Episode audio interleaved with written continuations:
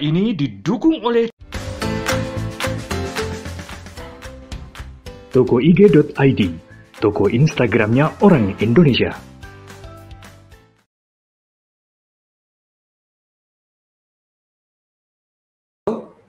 Salam sejahtera bagi kita semua. Salam. Selamat malam. Bapak-bapak, ibu-ibu sekalian yang sudah hadir baik melalui aplikasi Zoom meeting maupun yang menyaksikan uh, diskusi talkshow ini melalui saluran YouTube channel TV Desa. Selamat datang. Terima kasih sudah hadir di kegiatan talkshow Kades Iwan edisi ketiga.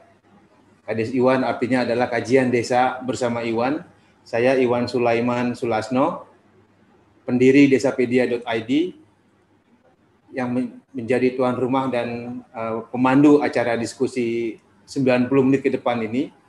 Acara ini terselenggara berkat kerjasama desapedia.id dengan TV Desa yang berlokasi di Kalibata, Jakarta Selatan di gedung utama Kementerian Desa Pembangunan Daerah Tertinggal dan Transmigrasi.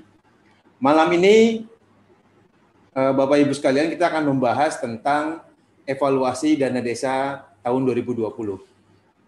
Tak terasa memang tinggal tiga bulan lagi kita akan mengakhiri perjalanan di tahun 2020 ini dan memasuki tahun 2021.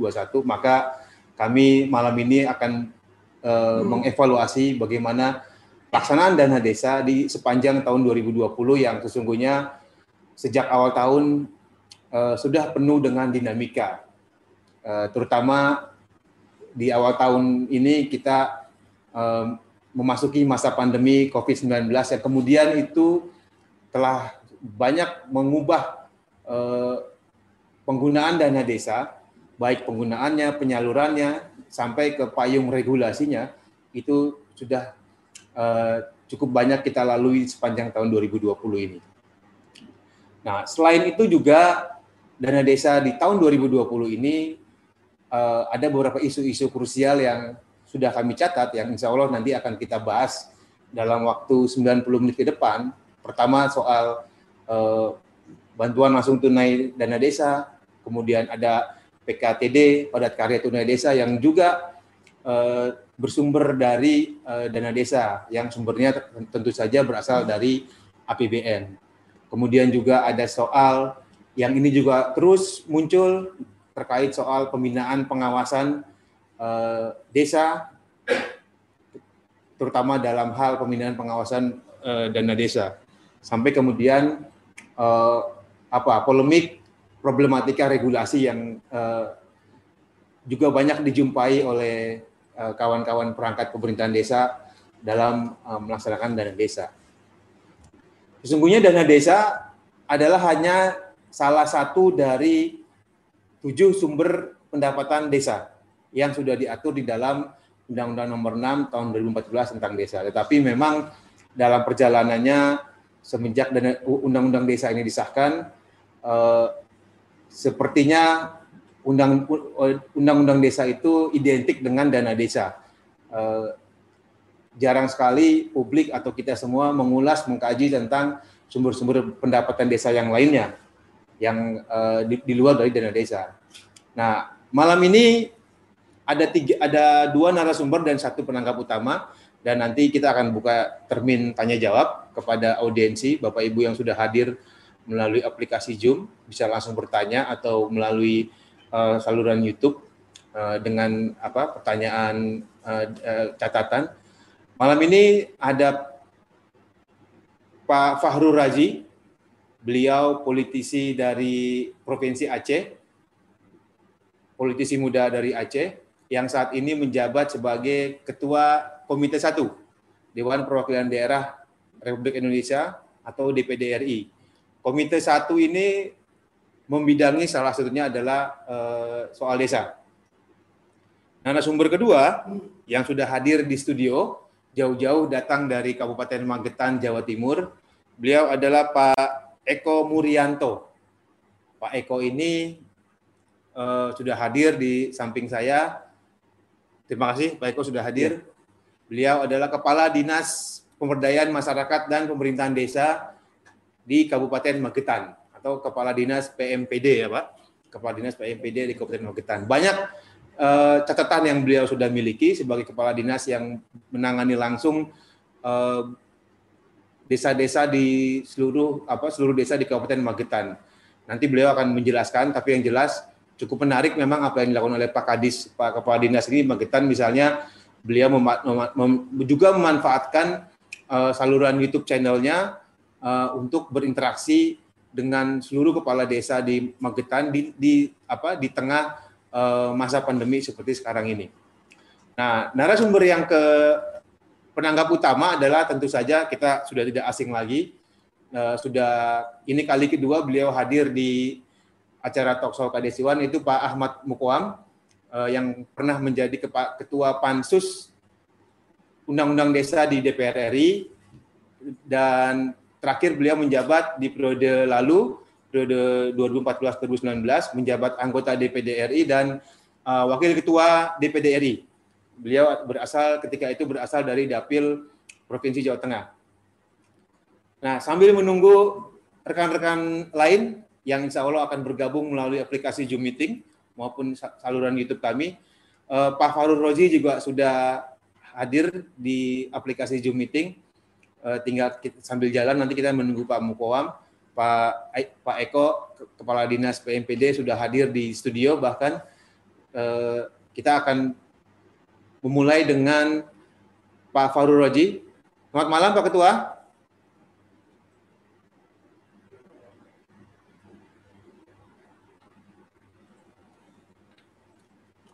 Pak Farul Raji, selamat malam.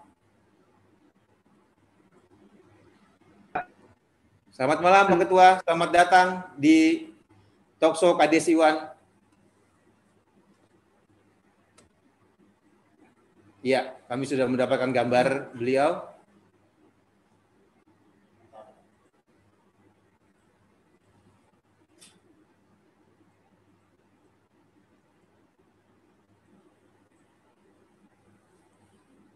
Atau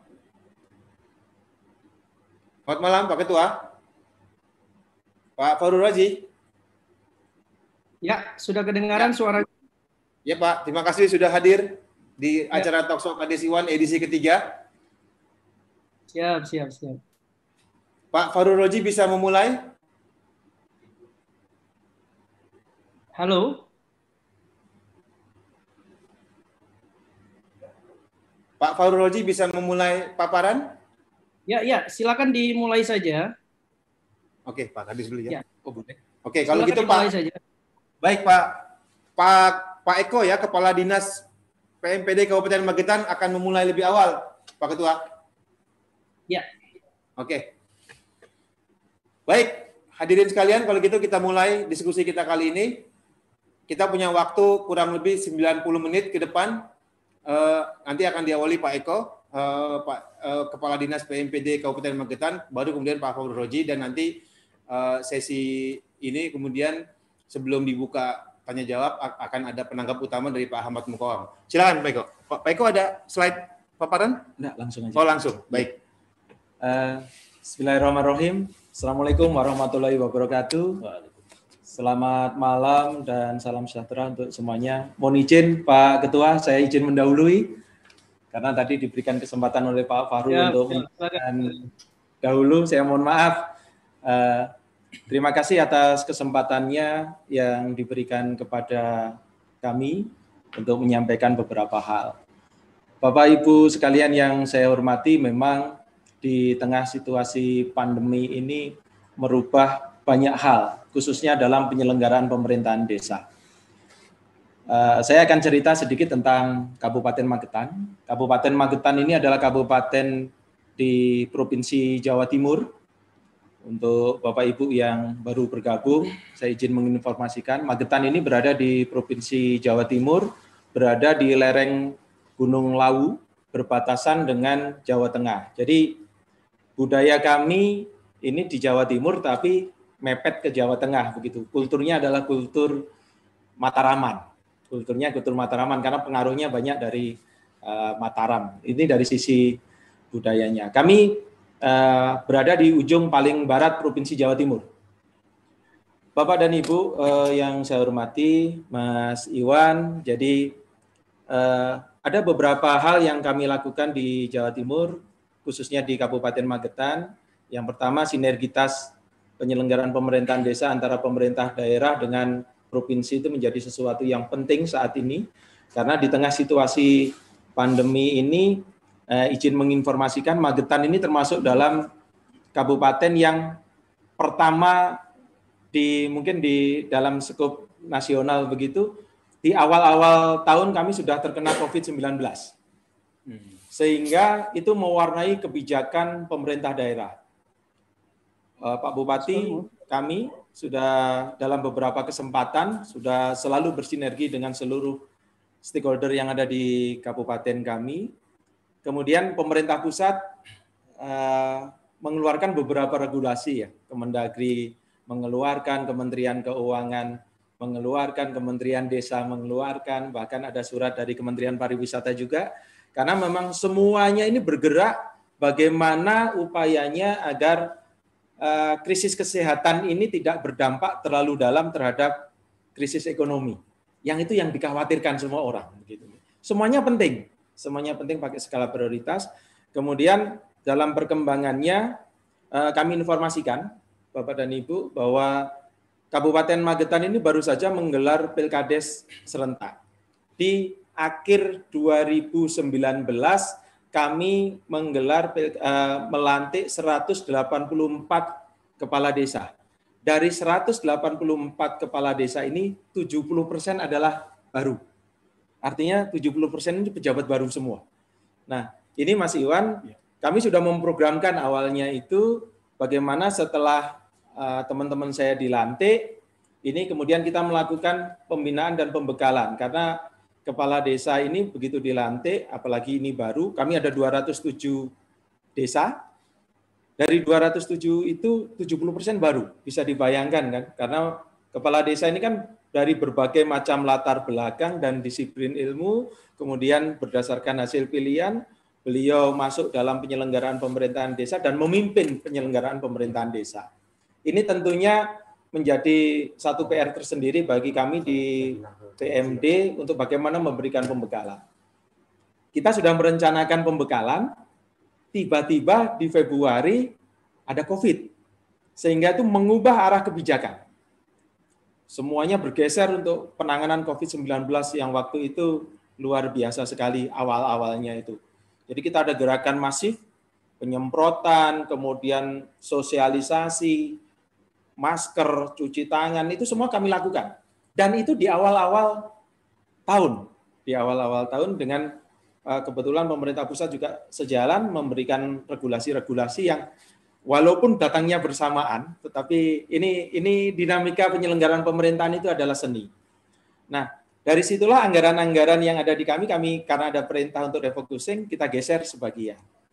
50% malah dari anggaran itu dari 50% ini akhirnya pembekalan ini yang seharusnya kita rencanakan untuk kepala desa baru kita geser. Inilah yang menginisiasi kepada saya untuk bagaimana mencari solusi.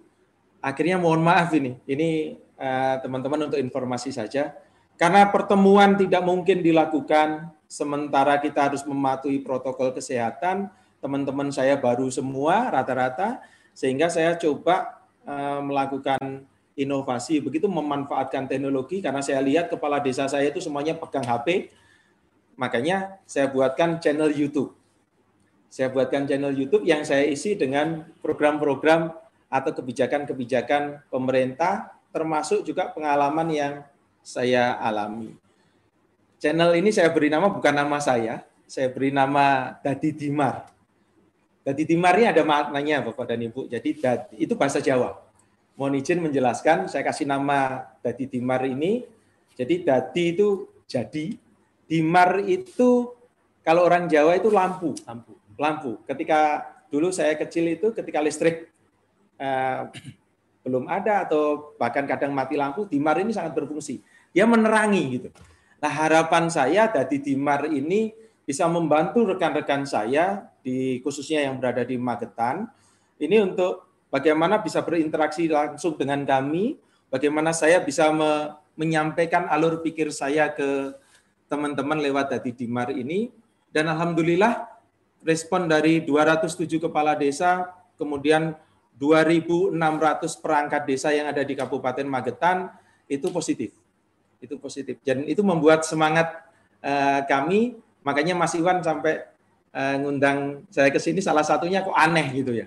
Ono kepala dinas nggak channel kan begitu. Ini bukan perkara youtuber bukan, tapi bagaimana saya uh, menyambung aspirasi uh, apa namanya aturan ini ke teman-teman saya. Itu secara garis besar. Jadi Bapak dan Ibu, mohon maaf ini bukan promosi, ini hanya salah satu langkah inovasi kami untuk bagaimana teman-teman saya ini di tengah situasi pandemi ini masih bisa berkomunikasi dengan kami.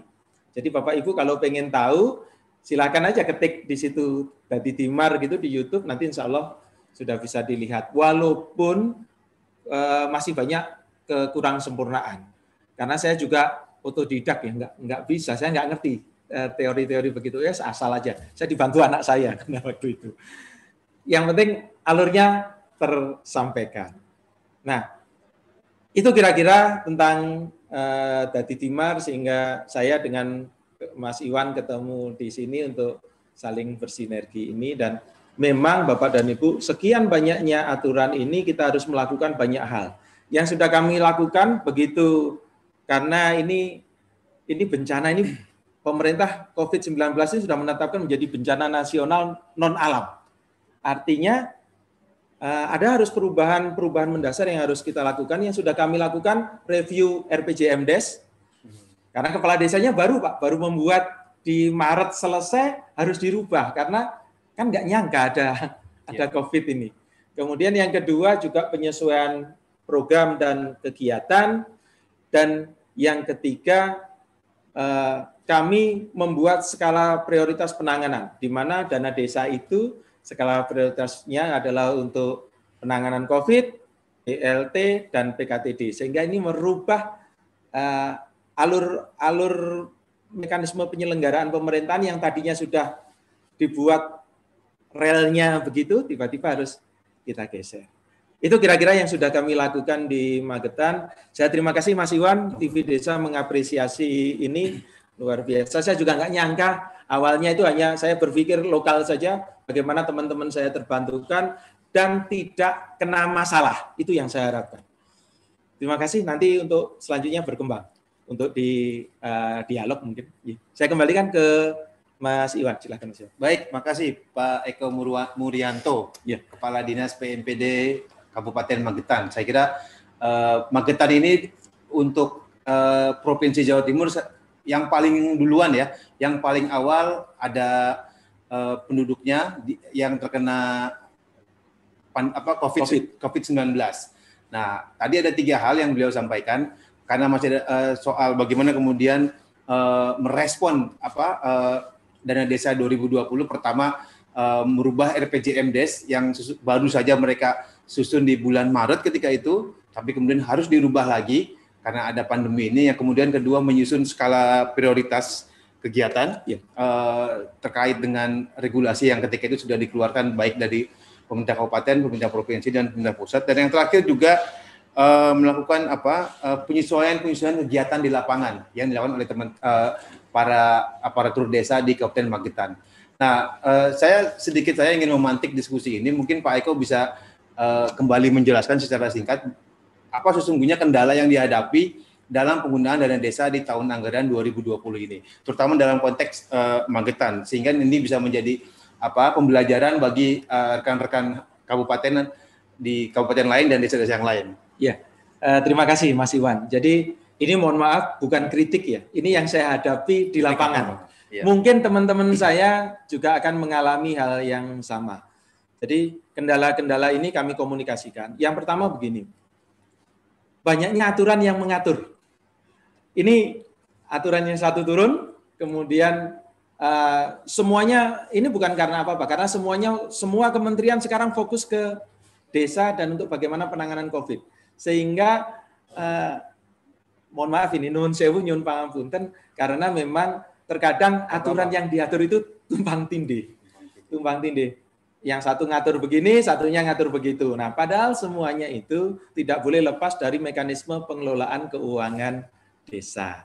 Makanya kami berharap eh, kenapa kami buat channel ini tujuannya salah satunya tadi Timar ini untuk bagaimana mensinkronkan itu karena di bawah bingung.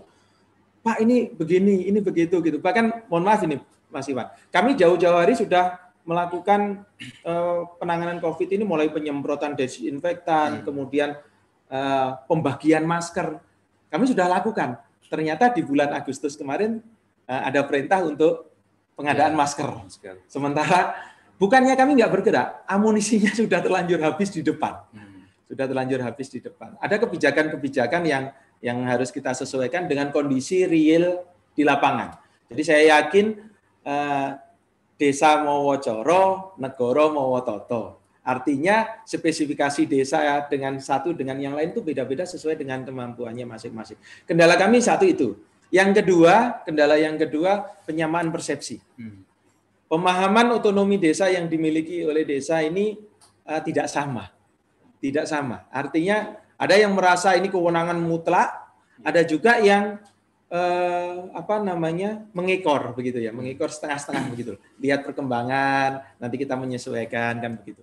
Jadi sebetulnya kendala-kendala teknisnya lebih banyak di situ dan satu lagi kuncinya adalah di musyawarah desa. Karena desa A mungkin musyawarahnya mudah, tetapi karena dampak pilkades ini kan masih terasa. Desa B mungkin agak sulit. Nah ini perlu perlu seni, perlu seni dalam penyelenggaraan pemerintahan. Itu secara garis besar kendala-kendalanya ya berawal dari uh, banyaknya aturan. Yang kedua juga perlu perlu ini uh, sinkronisasi aturan yang akan dilaksanakan oleh kami di lapangan termasuk juga teman-teman yang ada di pemerintahan desa. Sinkronisasi itu perlu supaya uh, tidak terjadi overlap nantinya begitu. Terima kasih. Baik, Pak Eko, Kepala Dinas PMPD Kabupaten Magetan. Uh, ya, kendala tadi beliau sudah paparkan satu soal ya lagi-lagi soal regulasi ya. Uh, dianggap tumpang tindih tidak ada sinkronisasi regulasi sehingga itu membingungkan uh, apa perangkat pemerintah desa termasuk juga uh, jajaran di dinas uh, PMD Kabupaten Magetan yang Pak Eko pimpin. Kemudian soal apa tadi persepsi yang tidak sama uh, di antara teman-teman di Magetan ya dan ini mungkin juga terjadi di kabupaten lain soal uh, apa itu otonomi desa saya kira. Nah itu beberapa kendala-kendala yang tapi secara garis besar memang Pak Eko tadi sampaikan soal uh, problem aturan, problem uh, regulasi. Tadi sebelum memulai beliau juga sudah sampaikan bahkan Kementerian Pariwisata pun itu bersurat ke desa-desa di Magetan, Pak, memasuki uh, apa uh, pandemi Covid ini. Jadi ya bukan hampir dari semua kementerian yang tadi beliau sampaikan itu uh, semua dalam tanda kutip uh, mengepung desa, terutama di era pandemi ini. Baik, kita catat eh, pengalaman-pengalaman dari Magetan di Zoom meeting juga kami lihat ada dari uh, Kepulauan Riau, dari Bali, dari Jawa Barat, Yogyakarta, uh, Jawa Tengah juga banyak. Saya kira termasuk dari Magetan yang yang teman-teman dari semua provinsi, baik itu pegiat desa maupun aparatur pemerintah desa maupun dari pemkapnya masing-masing. Nah, Bapak Ibu sekalian di yang sudah hadir di uh, aplikasi Zoom Meeting dan saluran YouTube uh, TV Desa. Selanjutnya Pak Fahru Raji, Ketua Komite 1 DPD RI, akan menyampaikan pemaparannya dan catatannya tentang evaluasi uh, dana desa sepanjang tahun 2020 ini.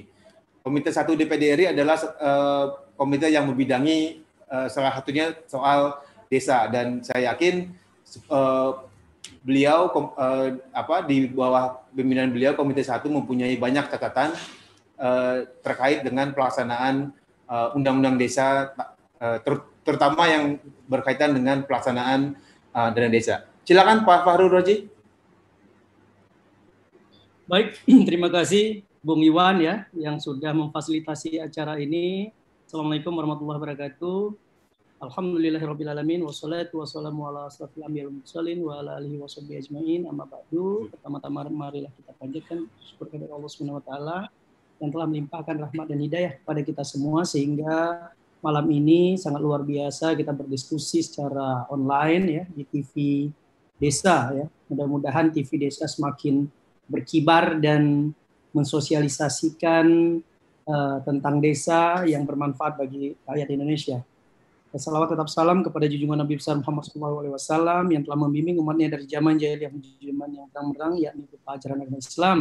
Di sini juga ada senior saya Bapak Udar Nirani yang sudah hadir juga dari Bangka Belitung. Saya juga hadir di sini ada guru saya ini Pak Ahmad Mukwam padahal tadi sore kita bertemu ini. Tadi siang kita bertemu di DPD. Ini beliau ini mantan ketua komite satu ya. Kita berdoa jadi ketua umum P3 nih amin. Karena desa itu kan Pak AMK ini semenjak Pak Pak Ahmad Mukwam sudah tidak lagi di DPD kami itu kehilangan arah ini masalah desa ini. Jadi desa ini udah jadi des aja gitu.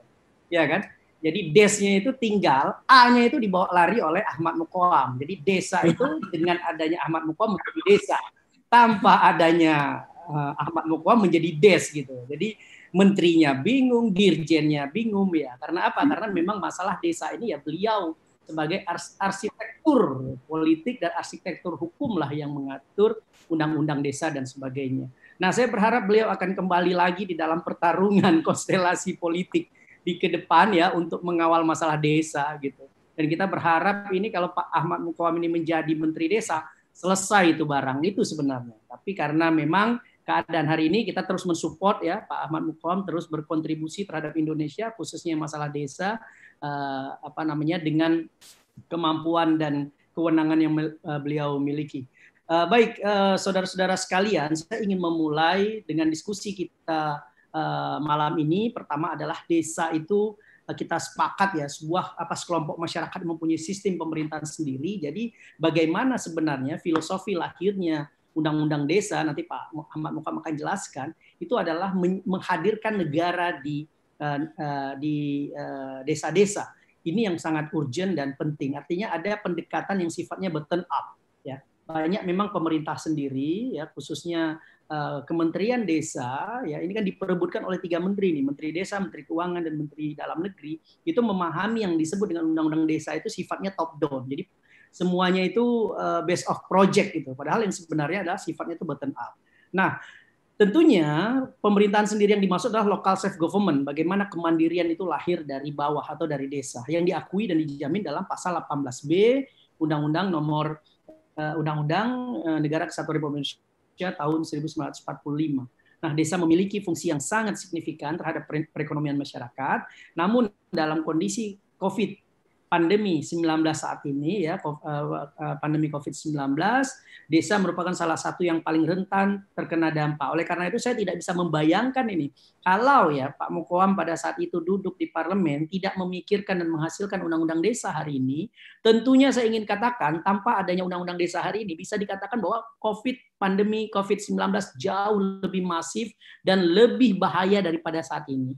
Nah, akibat adanya undang-undang nomor 11 dan dana desa, eh undang-undang nomor 6 uh, tahun 2014 tentang dana desa itu akhirnya uh, dapat kita lihat ya bagaimana sebenarnya ada survival di tingkat desa uh, dengan uh, kemampuan ekonomi yang sebenarnya sudah diturunkan ke tingkat desa. Tapi saya kembali lagi, saya tidak bisa bayangkan bagaimana kondisi di desa, kondisi di masyarakat dan kondisi di Indonesia ketika memang tahun 2014 itu tidak lahir yang namanya undang-undang desa. Artinya tidak ada BLT hari ini, tidak ada undang-undang dana desa dan sebagainya. Nah ini akan jauh lebih dahsyat lagi dan dan kita bersyukur ada undang-undang desa dan sebagainya. Nah, kembali berbicara dana desa itu merupakan bagian penting terhadap percepatan dan penguatan pemerintahan desa, pembangunan desa, pembinaan kemasyarakatan desa dan pemberdayaan masyarakat desa. Nah, kalau kita lihat bagaimana perkembangan dana desa dari tahun 2015 sampai dengan 2070 eh, 2020 itu terjadi peningkatan yang sangat signifikan. 20,8 triliun di tahun 2015, 47 triliun tahun 2016, 2017 60 triliun, di tahun 2018 60 triliun, 2019 70 triliun, dan di tahun 2020 saat ini adalah 72 triliun. Itu anggarannya bagi saya sebenarnya 72 triliun berbanding 2.200 triliun dana APBN terlalu kecil sebenarnya kalau kita bagikan ke desa.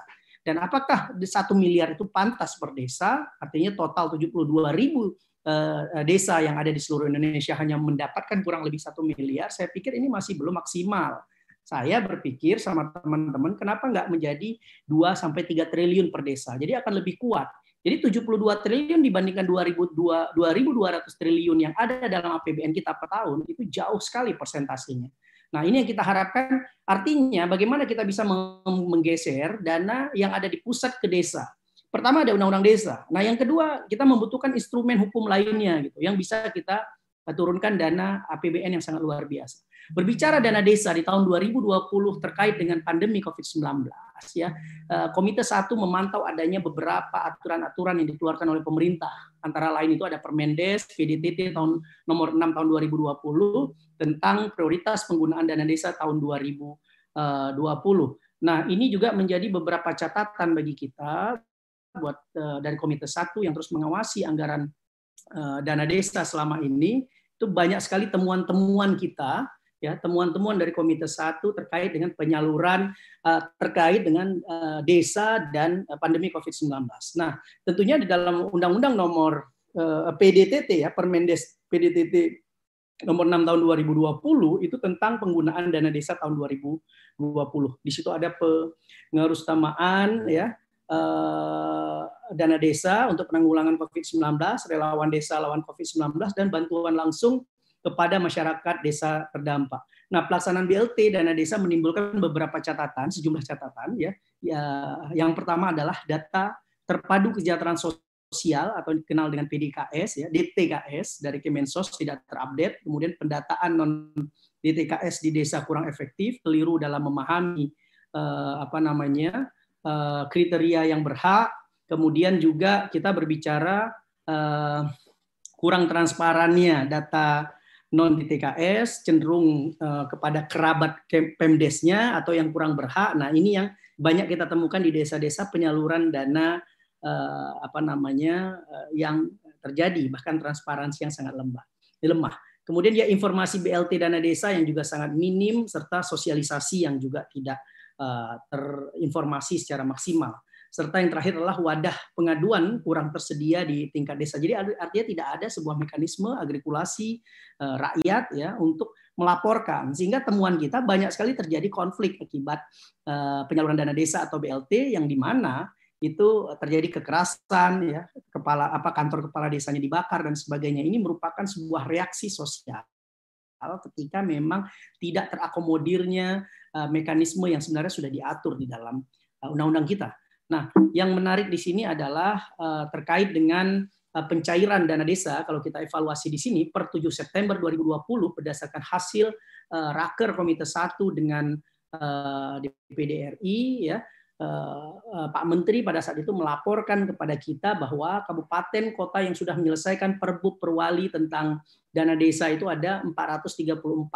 artinya 100%. Nah, yang menariknya di sini adalah desa selesai updes ya, APBDes dan memenuhi syarat untuk mendapatkan pencairan uh, tapi belum mendapatkan dana desa tahap 1 itu ada 74.953 atau 56 jumlahnya, yaitu masih 0%. Itu masih 0%. Nah, demikian juga desa selesai updes tapi belum memenuhi syarat untuk mendapatkan pencairan dana desa tahap 1 itu ada 74.953.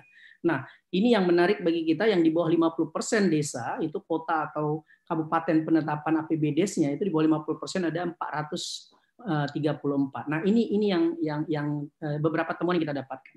Nah, kemudian desa potensial kekurangan dana desa untuk BLT dana desa pada Desember 2020.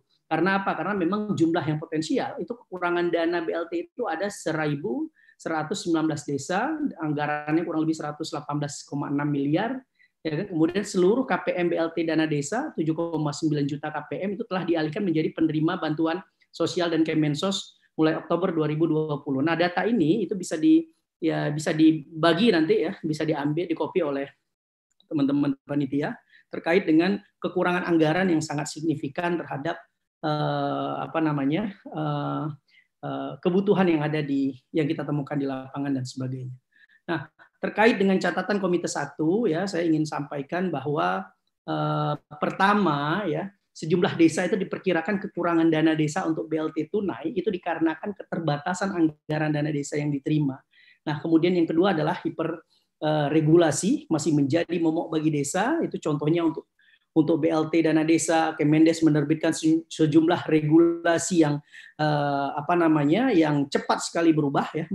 Misalkan Permen Desa nomor 6 2020, kemudian muncul lagi Permen Desa nomor 7 tahun 2020, kemudian adanya juga Desa Aman COVID-19 ya, munculnya Permen Desa eh, nomor 6 tahun 2020, Permen Desa nomor 7 tahun 2000 eh, apa namanya 2020 serta ada surat edaran eh, Menteri Desa itu nomor 8 tahun 2020 terkait dengan padat karya tunai itu ada beberapa permen desa dan juga surat edaran di mana ini belum termasuk regulasi yang diterbitkan Kemendagri dan Kementerian Keuangan. Ini menunjukkan bahwa hiperregulasi, banyak sekali aturan-aturan yang secara tidak langsung membingungkan masyarakat yang ada di uh, uh, apa namanya yang ada di desa dan apa aparat desa yang memang terkadang perubahan-perubahan itu mempengaruhi terhadap penyaluran dana dan sebagainya.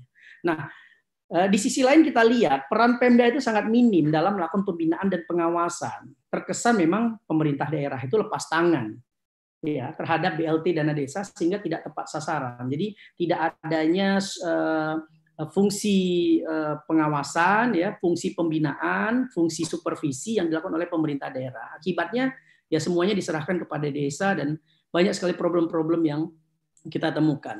Nah, kemudian ketika kita mempertanyakan efektivitas BLT dana desa sebagai jaring pengaman sosial bagi masyarakat desa, itu mengingat kurangnya pengawasan terhadap validitas pendata pendataan penerimaan BLT. Nah, artinya apa? Memang eh, validitas pendataan penerima BLT saat ini memang banyak sekali permasalahan-permasalahan yang muncul.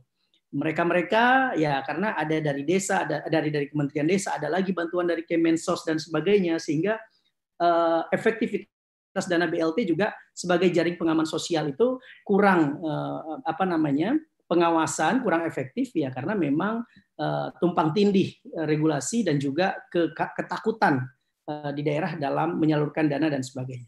Nah, terkait dengan pembangunan, pemerintahan, pemberdayaan dan pembinaan masyarakat desa itu kita lihat juga kurang optimal ya dengan adanya apa namanya pemaksaan gitu yang dilakukan oleh pemerintah yang terkait dengan COVID-19.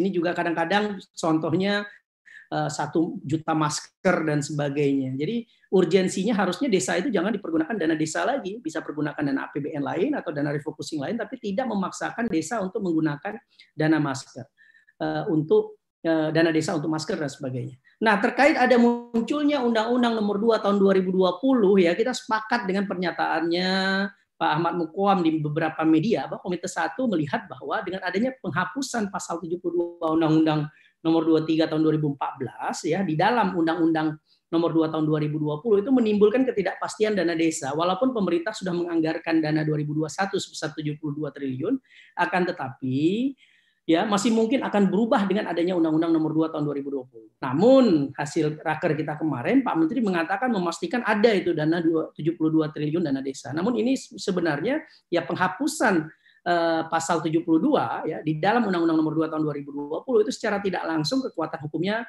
itu sangat lemah dan sebagainya. Nah, terkait penyaluran dana desa ya ada tiga tahap yang kita awasi kurang optimal bagi percepatan pembangunan desa ya itu 40 40 20 persen. Nah itu artinya sebenarnya penyaluran itu juga secara tidak langsung uh, apa namanya terlalu uh, terlalu jauh jaraknya. Kita juga berpikir kenapa tidak dilakukan dua kali tahap saja, kenapa harus tiga kali. Nah, kemudian uh, kita berpikir untuk bagaimana Komite Satu ya mendorong penyaluran dana desa itu satu tahap bahkan gitu agar lebih efektif dan lebih cepat dan sebagainya. Nah, kemudian eh, perbaikan dana desa ke depan ya kita merekomendasikan yang pertama adalah memperkuat kelembagaan yang terlibat dalam proses penyaluran dana desa baik di tingkat uh, desa, Pemda ya dan juga pemerintah pusat. Nah, ini sangat penting bagaimana kelembagaan yang terlibat itu tidak hanya dia itu hanya formalitas saja, namun dia juga bergerak masif kemudian eh, menjadi bagian dari pengawasan yang ketat serta supervisi terhadap penyaluran dana desa. Nah, kemudian mempermudah administrasi penyaluran dan pertanggungjawaban dana desa itu harus kita perbaiki ke depan ya, karena memang penyaluran uh, anggaran dan pertanggungjawaban dan desa ini akan menjadi sebuah problem nanti pasca 2020 atau pasca Covid ini berakhir. Akan banyak ya di, dijadikan uh, apa namanya mencari kesalahan-kesalahan kepala-kepala desa yang menggunakan dana desa di masa Covid nanti akan muncul berbagai Eh, konflik sosial di masyarakat ini yang kita kita lihat termasuk di dapil saya juga seperti itu. Kemudian adanya optimalisasi peran pendamping desa ini harus kita tingkatkan terus ya agar pendamping desa itu memiliki peran yang sangat signifikan dan tidak hanya menjadi sebuah lembaga lembaga formalitas saja hanya memenuhi syarat, tapi kita butuh optimalisasi, uh, improvisasi dari pendamping desa dan juga bagaimana proaktif dari pendamping desa itu dalam uh, membantu dan mensupport terhadap dana desa yang ada di 74 ribu desa ini. Kemudian uh, kita juga berpikir perlunya penguatan pembinaan bagi aparatur desa ya. Jadi dana BIMTEK itu bukan hanya formalitas atau main-main saja atau prosedur untuk mencari uang ya atau menjadi objek baru proyek baru bagi beberapa lembaga yang mengadakan pelatihan BIMTEK dan sebagainya. Namun juga uh, di, diharapkan itu bisa menjadi maksimal bagaimana melakukan transfer knowledge, melakukan sebuah pengkaderan dan juga pembinaan strengthens of uh, capacity building of the eh, apa namanya kepala desa ini sangat penting atau aparatur desa. Nah, kita juga melihat ya pemerintah perlu untuk memangkas ya regulasi atau kebijakan yang berlebihan jadi tidak hiper hiper regulasi tidak terlalu banyak regulasi-regulasi kebijakan-kebijakan yang bertentangan dengan semangat uh, rekognisi dan juga asas subsidiaritas ya yang kita lihat selama ini uh, terkesan memang Eh, regulasi selama ini sangat tumpang tindih dan dan sangat uh, uh, luar biasa uh, complicated sekali permasalahan. Nah, perlu juga dibangun interkoneksi jaringan Siskedes ya, sistem keuangan desa dan percepatan internet desa. Ini yang sedang kita gerakkan di Komite 1, digitalisasi desa ya bagaimana pemerintah juga cepat melakukan digitalisasi desa. Saya di Aceh misalkan sedang melakukan pilot project yang dikenal dengan Smart Gampung, sebuah aplikasi yang memadukan antara administrasi desa, keuangan desa, eh, bumdes desa dan itu bagaimana terdigitalisasi secara online dan itu ternyata efektif sekali. Banyak sekali yang mendapatkan penyaluran dana BLT itu tepat sasaran karena kita sudah memiliki database dan sebagainya.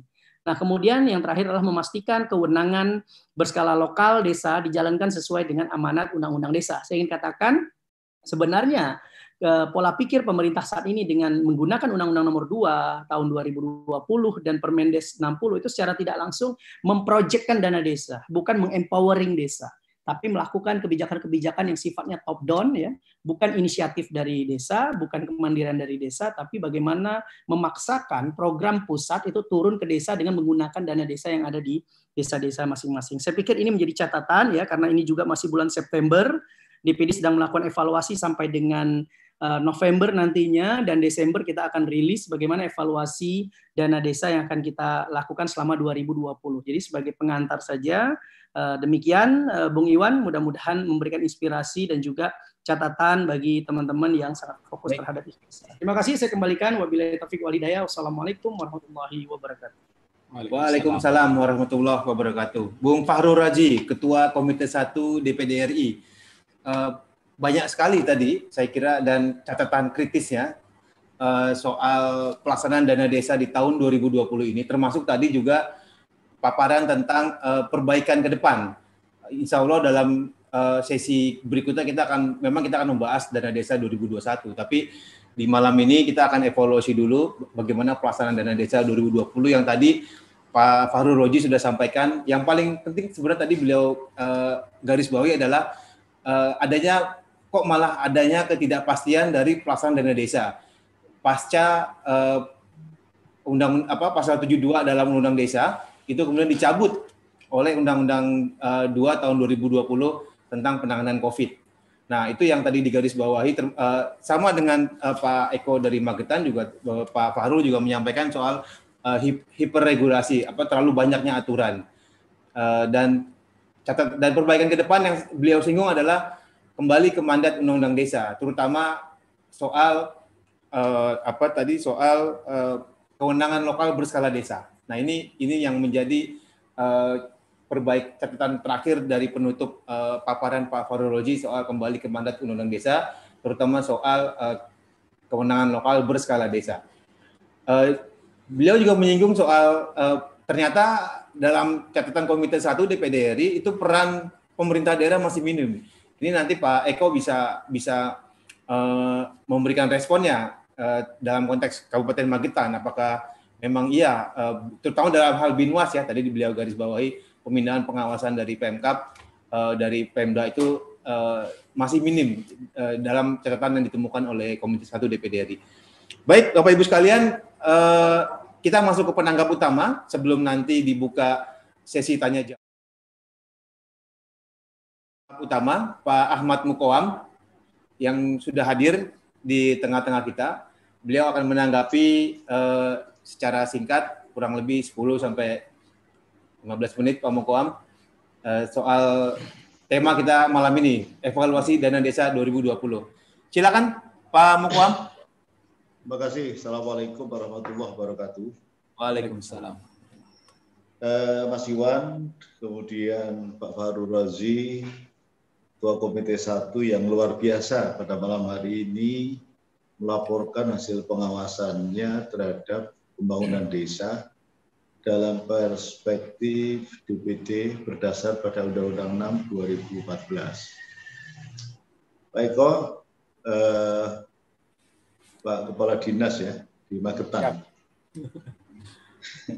Magetan. Kalau Jawa Timur punya Magetan, Jawa Tengah punya Magelang. Maksud saya. Jadi catatan saya ini, saya soal regulasi, soal hukum, saya kira Pak Faurazi, kemudian Pak Iko juga sudah sebetulnya sudah masuk pada tataran yang itu menjadi kebiasaan kita bersama.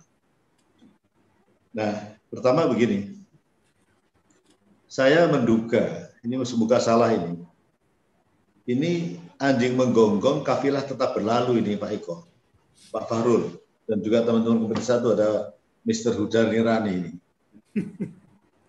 Udah so maskon. Jadi istilah Pak Eko itu bungen tua Pak. Belum metu kiwa Pak. Itulah pemerintah kita hari ini. Jadi karena itu Pak, kalau kemudian saya ngomong begini berdasar pada regulasi Undang-Undang Desa, bukan uh, asumsi yang saya bangun dengan pemikiran saya sendiri.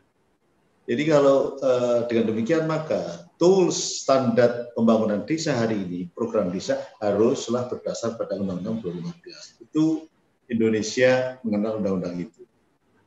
Nah, eh, akibat dari tidak mau mendengar dalam bahasanya Pak Farul Razi, ya, ini kemudian dalam bahasa Pak Farul Razi itu ada lagi Pak Farul. Mohon maaf ini, karena yang dilihat itu siapa yang bicara Pak, bukan apa yang dibicarakan ya Pak Farul. Jadi dalam kaidahnya Pak Farul itu adalah undur makola wala tandur mankola.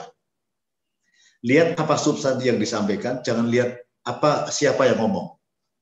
Sayangnya paternalisme itu sudah terjadi sedemikian rupa sehingga orang pusat itu dianggap benar.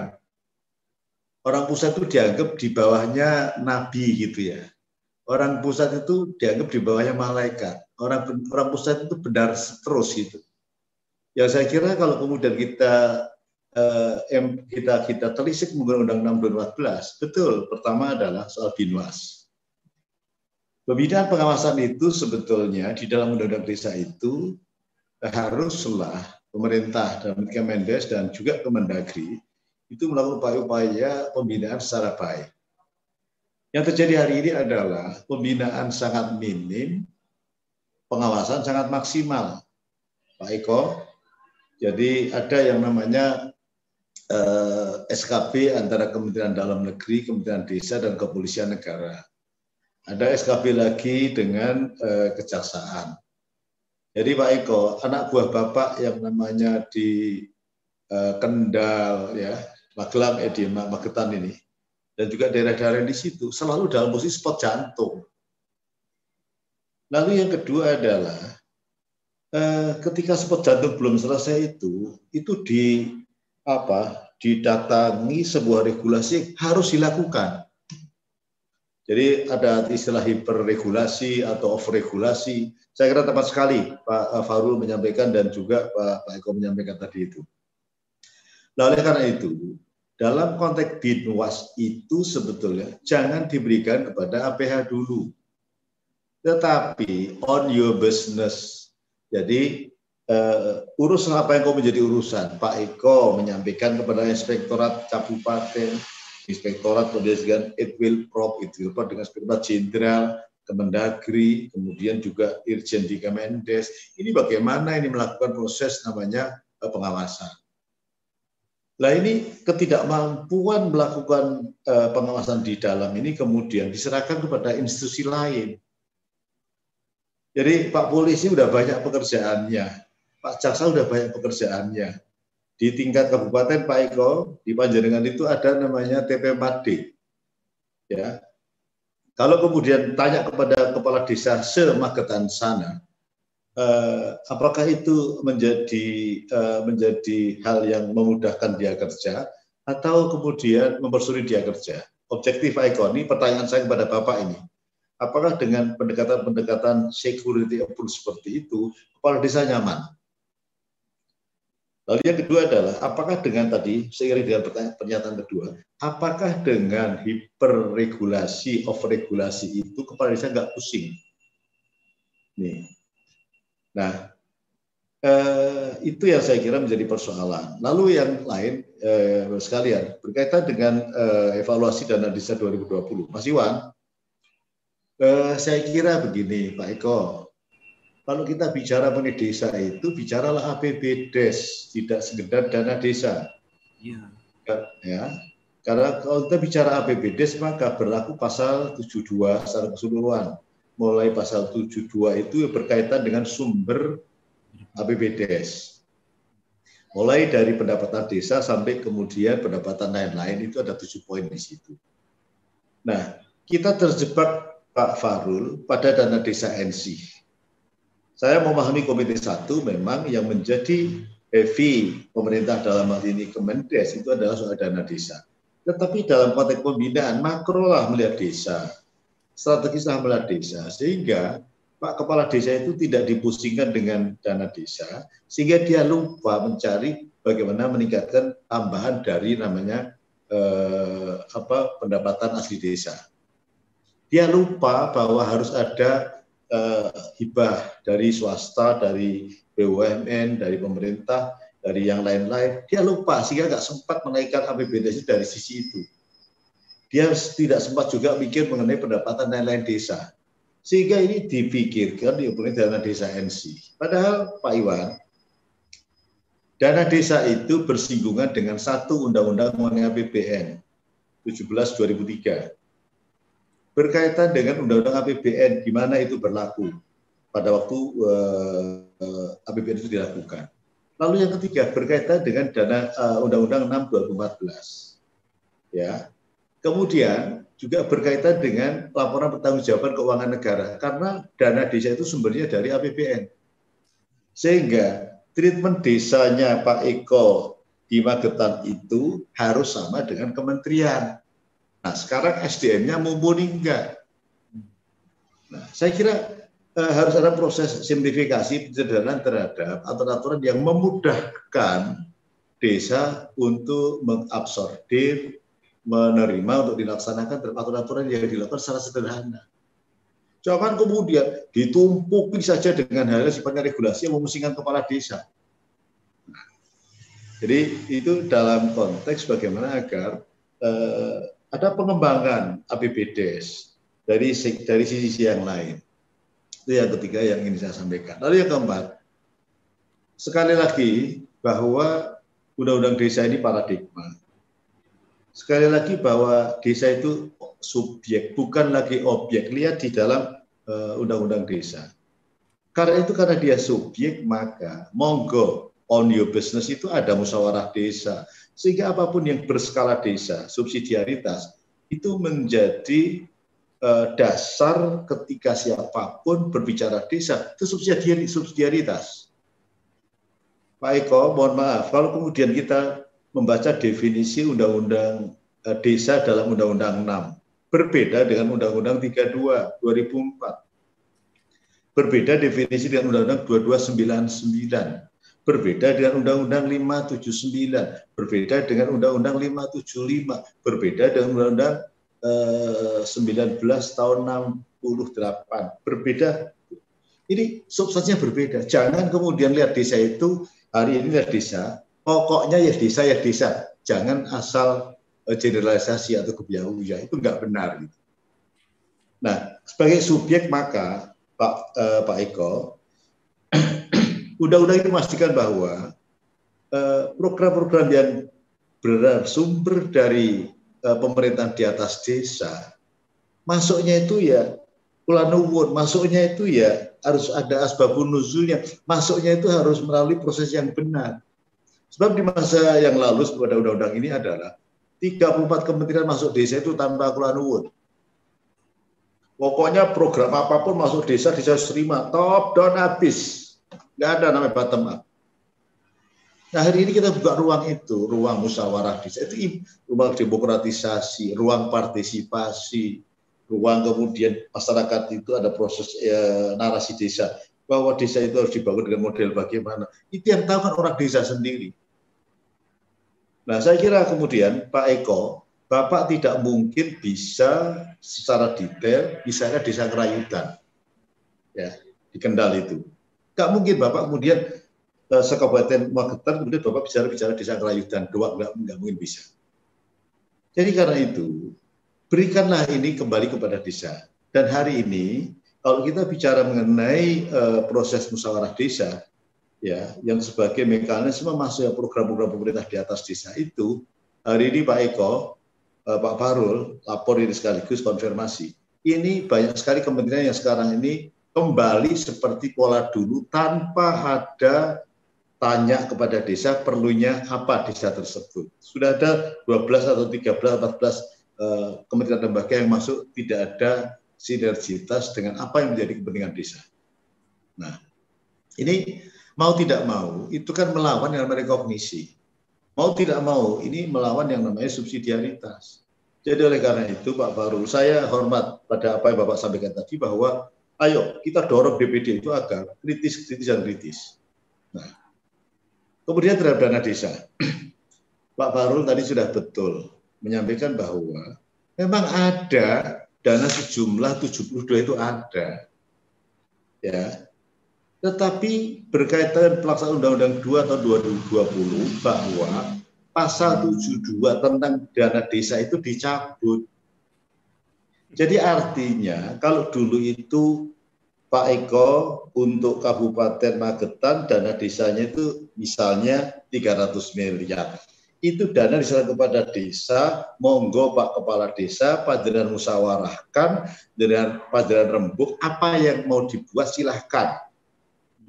Oke, jadi Betul, dana itu masuk ke sana. Bukan kemudian Pak Parul bahwa dana 300 miliar untuk Magetan itu sudah tertunjuk, sudah teralokasi.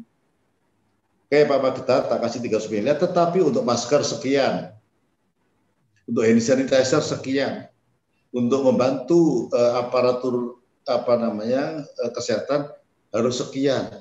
Enggak ada seperti itu. Jadi betul tadi Pak uh, Pak Farul bilang ada dananya ada, tetapi nggak ada kewenangan lagi desa itu untuk eh, apa kewenangannya yang dihabisin. Ini yang menurut saya Pak Eko, ya Pak Farul, ini dicermati. Dananya ada, tapi bahwa mekanisme penggunaannya, kewenangannya, ini sudah di direction dari pusat. Bukan hanya direction, sudah ada alokasi dari pusat. Nah, karena itu tadi Pak Eko sampaikan, ini sudah ada beli masker, tapi kemudian Maret suruh beli masker lagi, duitnya sudah habis, suruh beli masker lagi. Ini kan masker yang pertama itu berdasar pada kebutuhan desa. Ya kan? Jadi karena itu ini, eh, yang paling inti dari eh, Undang-Undang 220 itu adalah kewenangan eh, dana desa itu penggunaannya tidak lagi pada desa, tetapi sudah ditunjuk alokasi untuk A, B, C, D, dan seterusnya. Nah, sehingga kalau pihak kementerian menyampaikan di publik bahwa dana desa masih ada, memang ada. Tetapi pengguna mekanisme penggunaannya berbeda. Tidak ada lagi dalam subsidiaritas. Tidak ada lagi kemerdekaan. Tidak ada lagi kewenangan yang full dalam dalam menggunakan dana desa itu. Mohon maaf, mohon maaf, mohon maaf. Semoga COVID ini segera selesai dan itu tidak menjadi bendera kita semua. Ya taruh misalnya ada desa yang penggunaannya COVID sebagian misalnya 10 persen, yang lain 90 persen. Tapi karena kemudian kementerian uh, desa itu memastikan bahwa uh, dana serat, uh, 50% itu misalnya untuk masker itu nggak bisa menolak desa karena itu adalah menjadi tadi peraturan pemerintah atau peraturan menteri tadi itu. Jadi Pak Eko, kalian ngomonglah kepada orang pusat, Pak Farul, singgollah mereka, cubitlah mereka. Dalam istilah orang Jawa, mono yo ngono ngono lah Pak, gitu loh. Gitu ya gitulah, tapi jangan begitu caranya. Ini kan soal main-main kata ini. Pemerintah cerdasnya di situ. Dana desa ada, ada betul itu ada. Nggak ada yang bisa menolak. Tetapi bahwa penggunaannya untuk ABCD itu sudah dituju dari atas. Tidak lagi menjadi proses yang dari bawah. Jadi merespon terhadap uh, eh, 220 yang saya kira hari ini Pak, banyak sekali yang ber, uh, berpendapat bahwa dana desa masih ada. Orang salah itu betul tapi bahwa kemudian penggunaannya itu sudah teralokasi, itu juga fakta. Dan itu melanggar yang namanya subsidiaritas. Dan itu melanggar namanya demokrasi desa. Dan itu melanggar musyawarah desa. Lagi-lagi kita menemukan Pak Eko, ya, pemerintah ini membuat aturan tidak hanya tidak di samping hiperregulasi juga dari timetable kerangka waktunya itu eh, menyulitkan kepala desa. Dan ini Pak Pak Eko, kepala desa kepala desa itu kalau kemudian diterus pakai undang-undang keuangan negara itu melanggar semua loh itu. Kenapa? Misalnya sudah diputuskan sampai dengan bulan Desember bahwa 2,4 miliar untuk misalnya ini di dalam uh, musyawarah desa sudah diputuskan untuk ABCDE sekian persentasenya. Tetapi ada perintah dari pusat harus untuk padat karya sekian, harus untuk masker sekian, untuk ini sekian. Nah, ketika merubah ini, ya harus ada musyawarah desa lagi. Ketika ketika eh, ketika berubah ini harus ada satu lagi bahwa perubahan-perubahan prioritas tadi empat hal yang disampaikan oleh Pak Fahrul tadi betul. Jadi berkaitan dengan pengaruh utamaan kemudian pengaruh uh, berkaitan dengan relawan, kemudian berkaitan dengan bantuan langsung. Ini yang mesti kepala desa, Pak. Jadi Mas Iwan, saya lebih baik nanti saya ingin mendengarkan dan merespon bagaimana keluh kesah, kesulitan, eh, kemudian eh, kendala yang dihadapi, karena eh, orang Jakarta ini orang-orang kementerian itu melihat desa itu dari perspektif Jakarta. Ya, tidak melihat desa dalam perspektif uh, lokus di sana itu tidak. Ya. Jadi hari ini saya memahami betul bahwa kepala desa itu dipusingkan bukan oleh dirinya, tapi justru dipusingkan oleh teman-teman yang notabene punya kemenangan yang ada di atas desa. Apakah dia di kabupaten, apakah dia provinsi atau di pusat. Itu Mas Iwan. Matur nuwun. Assalamualaikum warahmatullahi wabarakatuh. Waalaikumsalam warahmatullahi wabarakatuh. Terima kasih Pak Ahmad Mukoam, eh, Wakil Ketua DPD RI mantan mantan dan juga pernah menjadi ketua pansus desa. Uh, beliau mencatat dana desa evaluasi dana desa 2020 secara garis besar belum mencerminkan adanya uh, asas rekognisi dan subsidiaritas sebagaimana yang diamanatkan dalam Undang-Undang Desa. Dan yang paling krusial tadi sama seperti Pak Farul Roji dan juga Pak Eko ya uh, soal ketidakpastian dana desa pasca pencabutan pasal 72 uh, eh, di Undang-Undang Desa oleh Undang-Undang COVID, Undang-Undang 2 tahun 2020. Nah, uh, saya kira itu banyak sekali catatan Bapak dari dari Pak Mukwam uh, soal dana desa yang saya kira uh, Bapak Ibu sekalian hadirin sudah mencatat, mencatat semuanya dan sudah ada penanya. Sebelum saya lempar ke apa masuk sesi tanya jawab, mungkin Pak Eko mau menanggapi sedikit tadi ada ada disinggung soal lemahnya pembinaan pengawasan Pemda. Tadi juga Pak Mukwam juga menjelaskan soal bahwa sesungguhnya dana desa sudah sudah tidak ada karena kewenangan eh, anggarannya ada tapi kewenangan itu sudah sudah apa sudah di, di, diatur semua oleh pemerintah pusat. Silakan sikat Pak Eko ya. uh, menanggapi. Terima kasih Mas Iwan. Mohon izin Pak Mukwam, Pak ya. Ya, mohon maaf. uh, saya ingin menyampaikan bahwa kami di daerah ini mohon maaf melihat daerah desa ini paham mohon izin tolong dipahami sebagai dalam satu sistem penyelenggaraan pemerintahan yang antara subsistem itu saling berhubungan. Saya sangat paham ketika uh, pemerintah pusat mengatur ABCD bagus karena itu menjadi guider kepada kami. Hanya permasalahannya kondisi di lapangan tidak 100% dipahami. Ini mohon maaf ini, karena karena saya merasakan. Saya merasakan mulai Februari sampai dengan Agustus kemarin sampai September betapa sulitnya penyelenggaraan pemerintahan desa dengan adanya hal-hal yang yang ada kata-kata wajib. Hmm. Wajib itu kalau Bang Farul farduan gitu kan, mohon maaf. Jadi ini tolong dipahami, jangan jangan begini loh. Uh, kami yang di daerah, yang di desa ini uh, kalau bahasa Magetane wes jungkir walik gulung gemak ragaruan, ijek salah gitu ya.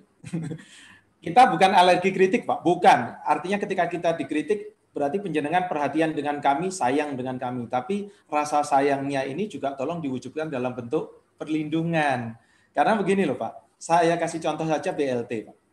Pamong saya, saya mohon maaf kalau saya ngomong pamong itu artinya teman-teman saya yang ada di desa saya bahasa familiar saya dengan istilah pamong. Pamong itu saya buat di channel saya di Dadi Dimar itu pantesnya diomong. Itu sepertinya untuk memotivasi teman saya.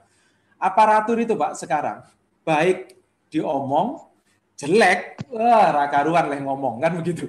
Jadi ini tolong dipahami. Contoh kaitannya BLT kemudian COVID. Sekian banyak aturan ini Pak. Ini kalau kita ini kan pusing loh Pak. Pusing kita. Ini mana yang didulukan ada kata-kata wajib. Bapak bisa lihat penderitaan di wajah saya. Rambut saya mau tumbuh nggak jadi, Pak, gara-gara itu. ini mohon maaf, Guyon, Pak, Guyon. Uh, artinya, tolong pahami. Kepala bidang, juga. kepala bidang. tolong pahami juga bahwa posisi kami itu juga posisi sulit. Jangan sampai kita ini, begini loh, Pak. Uh, kalau orang Jawa bilang, dicol ke sirai, mohon maaf ya. Nah, ini ya. ketika penjenengan gondeli, bantu kami supaya kami ini tidak digigit gitu loh. Ini ini tolong pahami bersama. Kami sudah lakukan Pak. Bagaimana DTKS itu Pak? Oh, ributnya minta ampun Pak. Dan Tuh. itu selalu yang disalahkan, yang disalahkan ya. aparatur pemerintah. Pemdanya kurang ini, dinas sosial kurang begini, PMD ini meneng wae, desone pilih kasih. Padahal Bapak, fakta di lapangan ini bukan hanya dari aparatur, dari masyarakat sendiri juga mestinya, mohon maaf, mohon maaf, paradigma sekarang ketika bantuan Pak, semuanya minta Pak. Sudah ada ketentuan yang tidak mampu semua ketika ini mohon maaf. Ini saya nggak ngomong secara so Indonesia bukan. Tapi yang saya alami ketika bantuan itu menjadi mau. Nah, ini. Makanya dalam penyaluran BLT kami sudah coba gelar. Mana yang terima PKH, kemudian BPNT, DTKS, kita pampangkan di balai desa itu. Silahkan dikoreksi. Sudah terbuka seperti itu, eh ternyata Pak, masyarakat sendiri, mohon maaf ini ya, karena yang dikritik ini pemerintah terus ini jadi masyarakat sendiri ketika ada keluarga yang PKH ini meninggal dunia, Pak, kan harusnya laporan. Pemerintah desa sudah memfasilitasi buat akte kematian. Ketika tidak ada akte kematian, ini data ini masih hidup loh, Pak. Begitu nanti selang satu bulan, karena evaluasinya hanya tiga bulan, Pak. Begitu ini PKH-nya keluar, yang disalahkan sih, Pak? Aparatur saya, Pak. Pemerintah desa saya. Iya. Jadi ini ini butuhnya sinergi. Iya mari sama-sama kita bangun ini sistem pemerintahan. Ayo sama-sama kita bergandengan tangan, masyarakat juga saling berhubungan sehingga solusi terbaik itulah yang akan terjadi. Terima kasih itu saja uh, menanggapi ini. Jadi artinya kalau kurang mohon maaf kita sebetulnya bukan diam, Pak. Energinya sudah terkuras di depan, Pak. Itu. Terima kasih. Baik, makasih Pak Eko Muryanto, Kepala Dinas PMD Kabupaten Magetan. Kita masih punya waktu sampai jam 8 uh, eh, saya akan buka sesi tanya jawab terutama bagi rekan-rekan yang ada di aplikasi Zoom meeting ini. Uh, saya membacakan uh, penanya pertama dari uh, saluran YouTube itu menanya bagaimana ini kelihatan dari seorang jurnalis ya. Bagaimana jurnalis menghadapi kepala desa yang tidak mau memberikan informasi penggunaan laporan dana desa. Karena banyak yang justru mengancam akan uh, justru akan mengancam akan apa itu? Akan mempidanakan dengan alasan yang beragam. Apakah kepala desa sudah di backing dengan aparat hukum? Ini penanya dari saluran YouTube kami. Uh, kemudian juga ada uh, memberikan respon dari kawan Simon. Sepakat lagi Pak Mukoam, kewenangan desa di atas segala-galanya. Baik ada saya akan buka sesi tanya jawab dari teman-teman yang bisa langsung bertanya melalui uh, aplikasi Zoom Meeting. Silakan.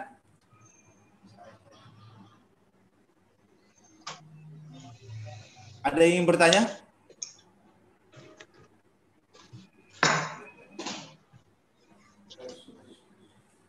Silakan.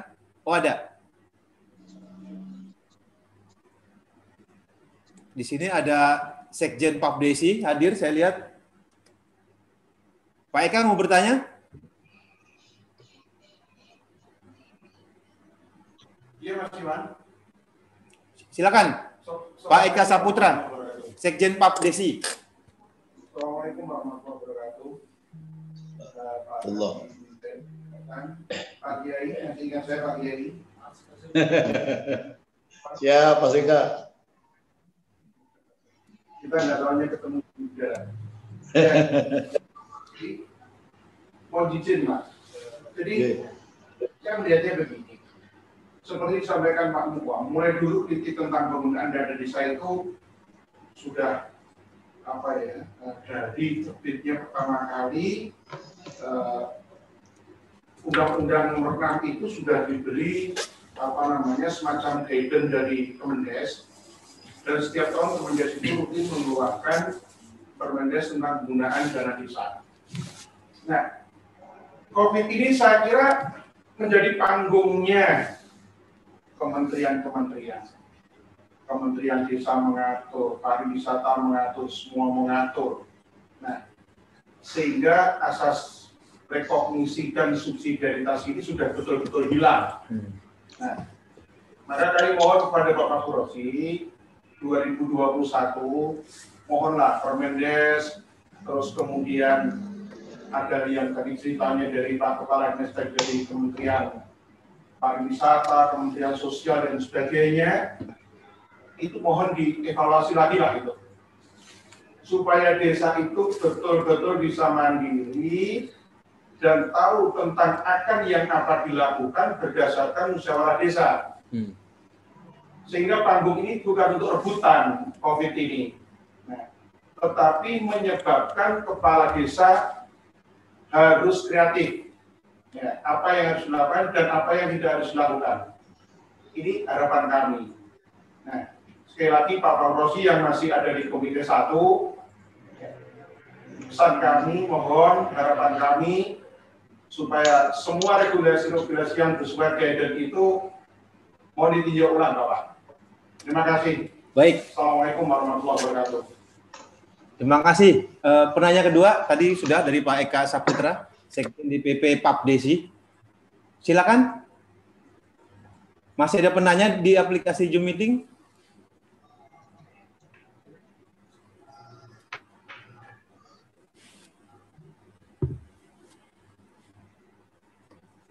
Ada lagi penanya? Silakan Pak.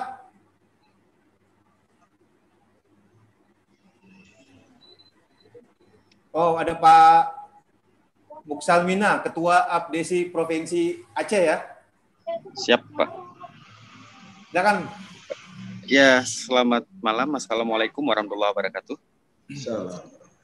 Uh, terima kasih pada Mas Iwan sudah memberi kita kesempatan nih untuk uh, memberikan masukan.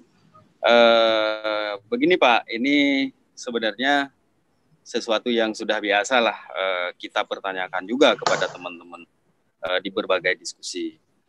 Uh, di mana salah satu kendala yang terjadi di level lapangan itu di level desa hari ini yaitu teman-teman kepala desa itu atau pemerintah desa merasa begitu terintervensi lewat beberapa regulasi dari tingkat kabupaten. Nah, belum lagi adanya perbedaan pemahaman di dalam menerjemahkan undang-undang desa dan uh, peraturan lanjutannya. Sehingga upaya-upaya kita di pemerintah kampung atau pemerintah desa itu untuk menjalankan uh, kewenangan itu selalu terbentur dengan berbagai titipan-titipan.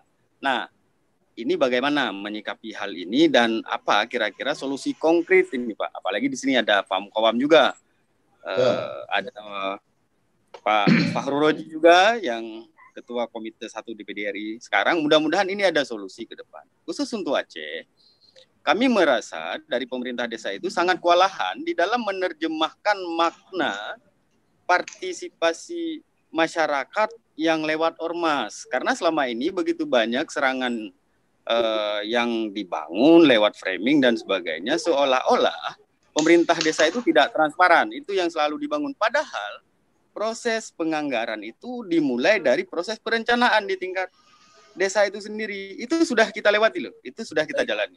Namun banyak mohon maaf banyak juga dari teman-teman tapi itu lebih kepada oknum pribadi uh, yang memiliki uh, semacam media menganggap bahwa ketika mereka meminta sesuai yang mereka inginkan dokumen apa pun itu tidak melalui prosedur kita selalu dituding seolah-olah kita enggak transparan.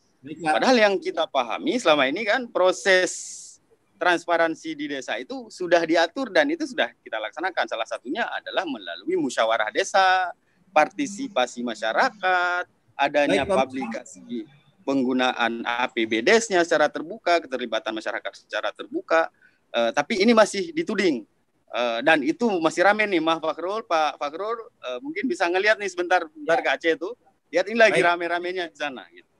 Saya kira itu masukan konkret khusus uh, dari Aceh bagaimana menyikapi ini dan pemerintah desa itu harus bersikap seperti apa. Kita nggak mau ini terus-terusan menjadi bahan obok-obokan dan nggak terkesan seperti jalan sendiri-sendiri kita. Sekian, terima kasih waktunya Mas Wan. Assalamualaikum warahmatullahi wabarakatuh. Terima kasih Bung Salmina, Ketua APDC Provinsi Aceh ya. Siapa? Uh, masih ada satu penanya terakhir? Tidak ada ya. Uh, saya akan kasih kesempatan narasumber dan penanggap Pak Mukwam untuk merespon uh, keempat penanya. Saya akan mulai dari Pak Fahrul Roji. Silakan Pak Fahrul.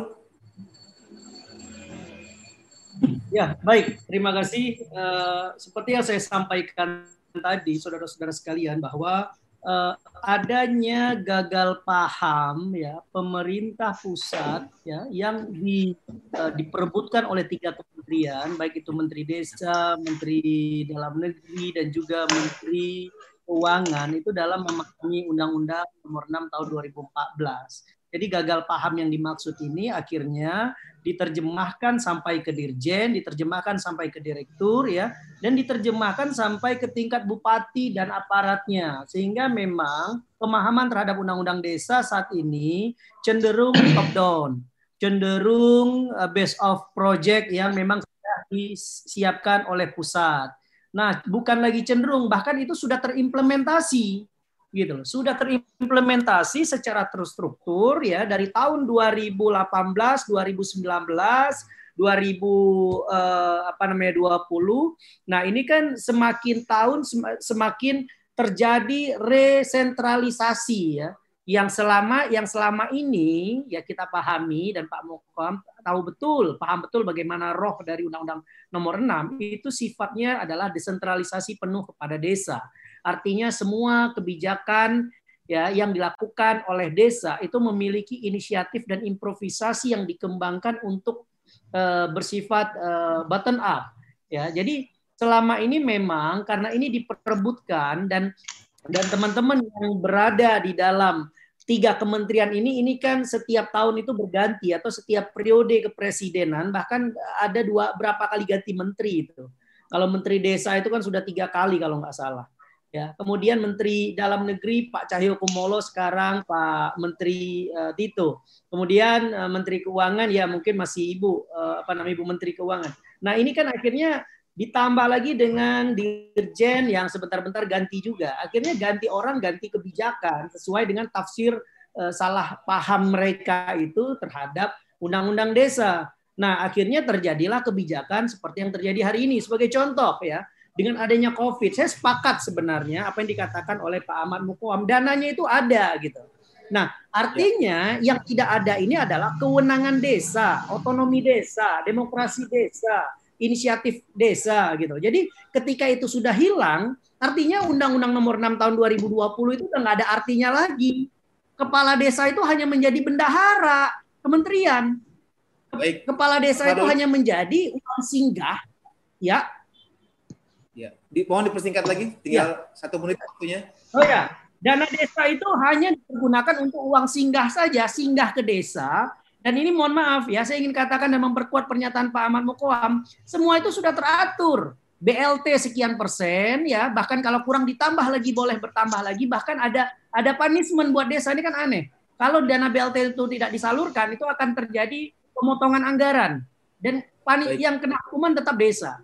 Nah, kemudian lagi ditambah lagi dengan uh, adanya kebijakan pusat yang terkait dengan COVID, refocusing ya, yaitu misalkan masker dan sebagainya. Jadi ujung-ujungnya uh, kepala desa itu aparat desa itu hanya sebagai kasir, desa itu sebagai kasir, membiayai semua yang sudah ditentukan oleh pusat. Itulah semangatnya Undang-Undang Nomor 2 tahun 2020 yang kami minta segera dicabut gitu loh. Kalau itu dicabut, roh dari uh, undang-undang desa ini akan kembali lagi. Gitu. Jadi tetap munculnya regulasi Permendes nomor 6, nomor 7, kemudian Permen Desa nomor 6, nomor 7 apa namanya ditambah lagi surat edaran nomor 8. Kemudian terkait dengan padat karya ada surat edaran nomor 4 tahun 2020, nomor 8 2020, nomor 15 lagi ditimpa lagi dengan nomor 15. Ditambah lagi dengan uh, regulasi-regulasi yang dari Kemendagri dan Menteri Keuangan yang begitu uh, uh, banyak sekali. Akibatnya ya Baik, kembali Pak lagi yang berada dalam posisi sekarang adalah mohon maaf ya, kepala desa jadi korban, Pak. Amuk masa dan demonstrasi masyarakat itu akibat pemerintah pusat yang memang membiarkan itu terjadi dan menciptakan konflik sosial yang turun ke desa. Itu catatan saya yang saya khawatirkan dan perlu kita lindungi adalah kriminalisasi terhadap kepala desa. Jadi kepala desa ini akan banyak nantinya dikriminalisasi. Percayalah, apalagi dengan kondisi COVID. Orang yang hari ini memaksakan datang beramai-ramai ketika persoalan pribadi tidak selesai, like and dislike, akhirnya kepala desa ini menjadi sasaran. Jadi kami Komite Satu akan melakukan advokasi terhadap itu. Jadi itu saja Pak Iwan ya. Saya kembalikan kepada moderator. Silakan. Baik, baik. Pak Mukwam. Terakhir silakan tanggapannya Pak Mukwam. Baik. Penanya, eh, penanggap pertama saya kira berkaitan dengan aspek informasi. Sederhana saja, sepanjang itu dilakukan dengan cara yang benar, ya, dengan niat yang benar, kepala desa pasti akan memberikan informasi. Lebih-lebih desa-desa yang sudah mempublish apa yang menjadi rencana anggaran pendapatan desa. Saya kira itu nggak ada soal. Memang kalau di luar itu yang mempunyai niat tidak baik, mempreser untuk mencari sesuatu, ya saya kira kepala desa memang dalam posisi eh, mau tidak mau harus memberikan penjelasan yang benar. Ini loh Pak, Bu, begini posisinya. Lalu yang kedua, Pak Simon, saya kira saya agree dengan Bapak. Ya. Kewenangan desa subsidiaritas itu adalah all dari yang kita miliki, Pak. Saya sepakat. Pak Eka, ya saya kira saya sepakat juga dengan Bapak. Jangan jadikan desa ini panggungnya orang-orang uh, kementerian kementerian negara, kementerian uh, lembaga di pusat. Ya, ruangnya masing-masing. Silakan desa itu menjadi uh, ruangnya Pak Kepala Desa, masyarakat desa dan lain-lain. Saya sepakat ini.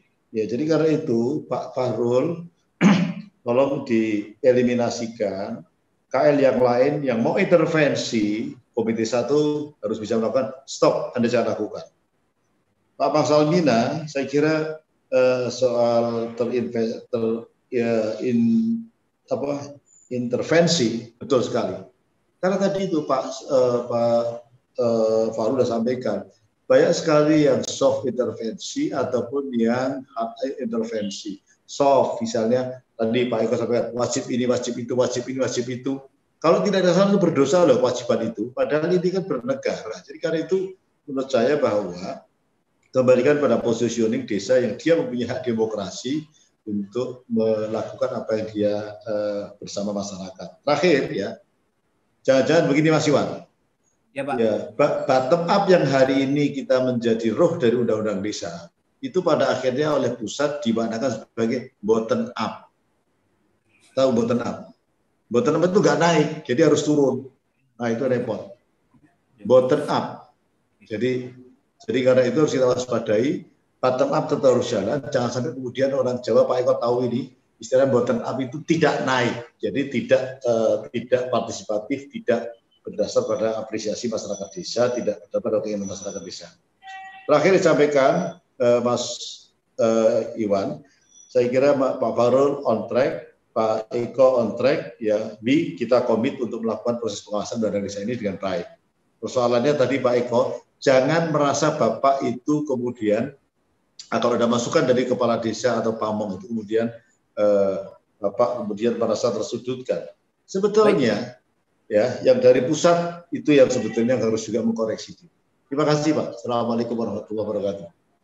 Waalaikumsalam warahmatullahi wabarakatuh. Terima kasih Pak Mukoam yang telah uh, closing sepertinya tadi atas catatan evaluasi dana desa 2020. Pertama hiperregulasi yang terlalu banyak aturan.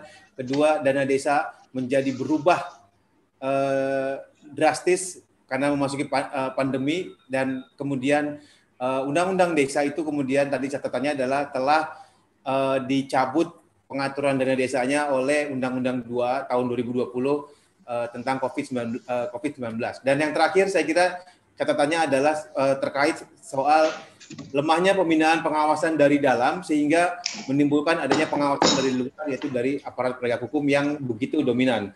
Terima kasih Pak Farul Roji, Ketua Komisi Satu DPR, Pak Eko Murianto, Ketua Dinas Kepala Dinas PMPD Kabupaten Magetan dan Pak Ahmad Mukoam, sebagai penanggap utama dan seluruh hadirin yang sudah hadir di forum ini. Kita ketemu minggu depan di waktu yang sama dengan tema yang berbeda. Insya Allah kita akan membahas tentang SDGs desa apa itu.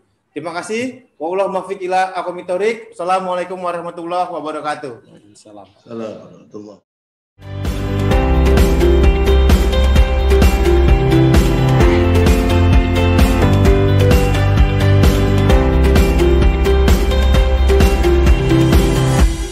Cara ini didukung oleh Toko IG.id, toko Instagramnya orang Indonesia.